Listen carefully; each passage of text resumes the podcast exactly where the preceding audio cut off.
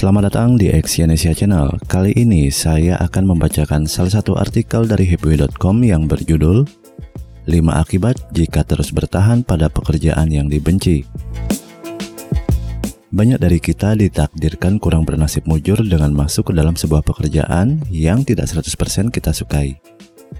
Entah karena jenis pekerjaan yang tidak sesuai dengan passion, lokasi yang terlalu jauh, gaji yang tidak sebanding dengan beban kerja, atau adanya konflik dengan rekan kerja maupun atasan. Jika sudah begitu, rasanya ingin menyerah saja saat itu juga. Tapi terkadang hati kecil berkata untuk coba bertahan barang sebentar. Meski begitu, tanpa disadari, ada banyak dampak negatif yang mungkin terjadi jika tetap bertahan pada pekerjaan yang dibenci terlebih bagi kesehatan tubuh serta kinerja yang menjadi kurang optimal. Berikut adalah 5 akibat jika terus bertahan pada pekerjaan yang kita benci. Yang pertama, dengan bertahan pada pekerjaan yang dibenci, kamu bisa mengalami depresi, gangguan tidur, hingga kecemasan. Dengan tetap bertahan pada pekerjaan yang dibenci, kamu sangat mungkin untuk merasa depresi, mengalami gangguan tidur hingga rasa cemas yang berlebihan. Hal ini berkaitan dengan rasa tenang dan nyaman yang hampir tidak ada, sehingga beresiko untuk membuatmu menjadi pribadi yang mudah cemas. Mereka yang mengalami masalah ini juga cenderung akan didiagnosis memiliki masalah emosional. Sebaliknya, orang yang bahagia dengan pekerjaannya sejak awal tidak memiliki masalah kesehatan yang berarti. Yang kedua, kekebalan tubuh ikut melemah. Alhasil, kamu jadi sering izin karena sakit.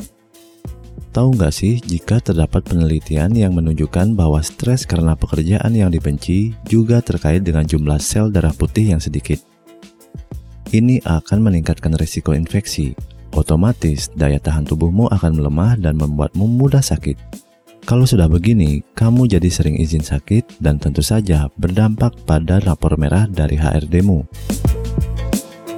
Yang ketiga, motivasi yang rendah. Pagi hari bawaannya malas dan tak ada semangat. Mungkin kamu pernah mengalami rasa tidak enak badan setiap kali bangun tidur dan harus ke kantor. Bangun pagi yang harusnya segar setelah istirahat semalaman justru tidak bisa dirasakan. Setiap mendengar alarm di pagi hari, rasanya ingin kembali tidur saja dan skip untuk ke kantor hari itu. Sayangnya, hal itu tidak bisa dilakukan. Jadinya, kamu hanya bisa malas-malasan mengawali hari. Keempat, yang paling berimbas adalah hasil kerja menjadi tidak maksimal karena dikerjakan setengah hati. Yang paling kentara dari menjalankan pekerjaan yang dibenci adalah hasil kerja yang tidak maksimal. Hal ini dipicu dari rasa setengah-setengah dalam menjalankan semuanya. Kamu seakan hanya menjalankan tugas hari itu, selesai, pulang, dan kembali lagi keesokan harinya. Rutinitas ini hanya sesuatu yang berulang dan tidak bisa kamu nikmati. Hasilnya tidak ada pekerjaan yang kamu selesaikan dengan maksimal dan sungguh-sungguh. Yang kelima, penilaian kinerjamu buruk jauh dari kenaikan gaji apalagi promosi jabatan. Dari hasil kerja yang tidak maksimal, otomatis akan membuat kinerjamu dinilai buruk. Dari sini, perusahaan mana yang akan menaikkan gaji karyawan yang kerjanya hanya asal selesai? Jangankan soal gaji, promosi jabatan pun akan jauh dari angan karena kamu dianggap belum mampu mendapatkan beban kerja dan tanggung jawab yang lebih. Kalau sudah mengalami beberapa hal yang saya sebutkan tadi, ada baiknya kamu mempertimbangkan untuk mencari pekerjaan baru atau paling tidak bicarakan pada atasan supaya bisa pindah ke departemen atau divisi lain. Mungkin saja sebenarnya kamu hanya butuh suasana baru, karena mencintai apa yang kamu kerjakan, dampaknya akan sangat baik untuk masa depanmu juga.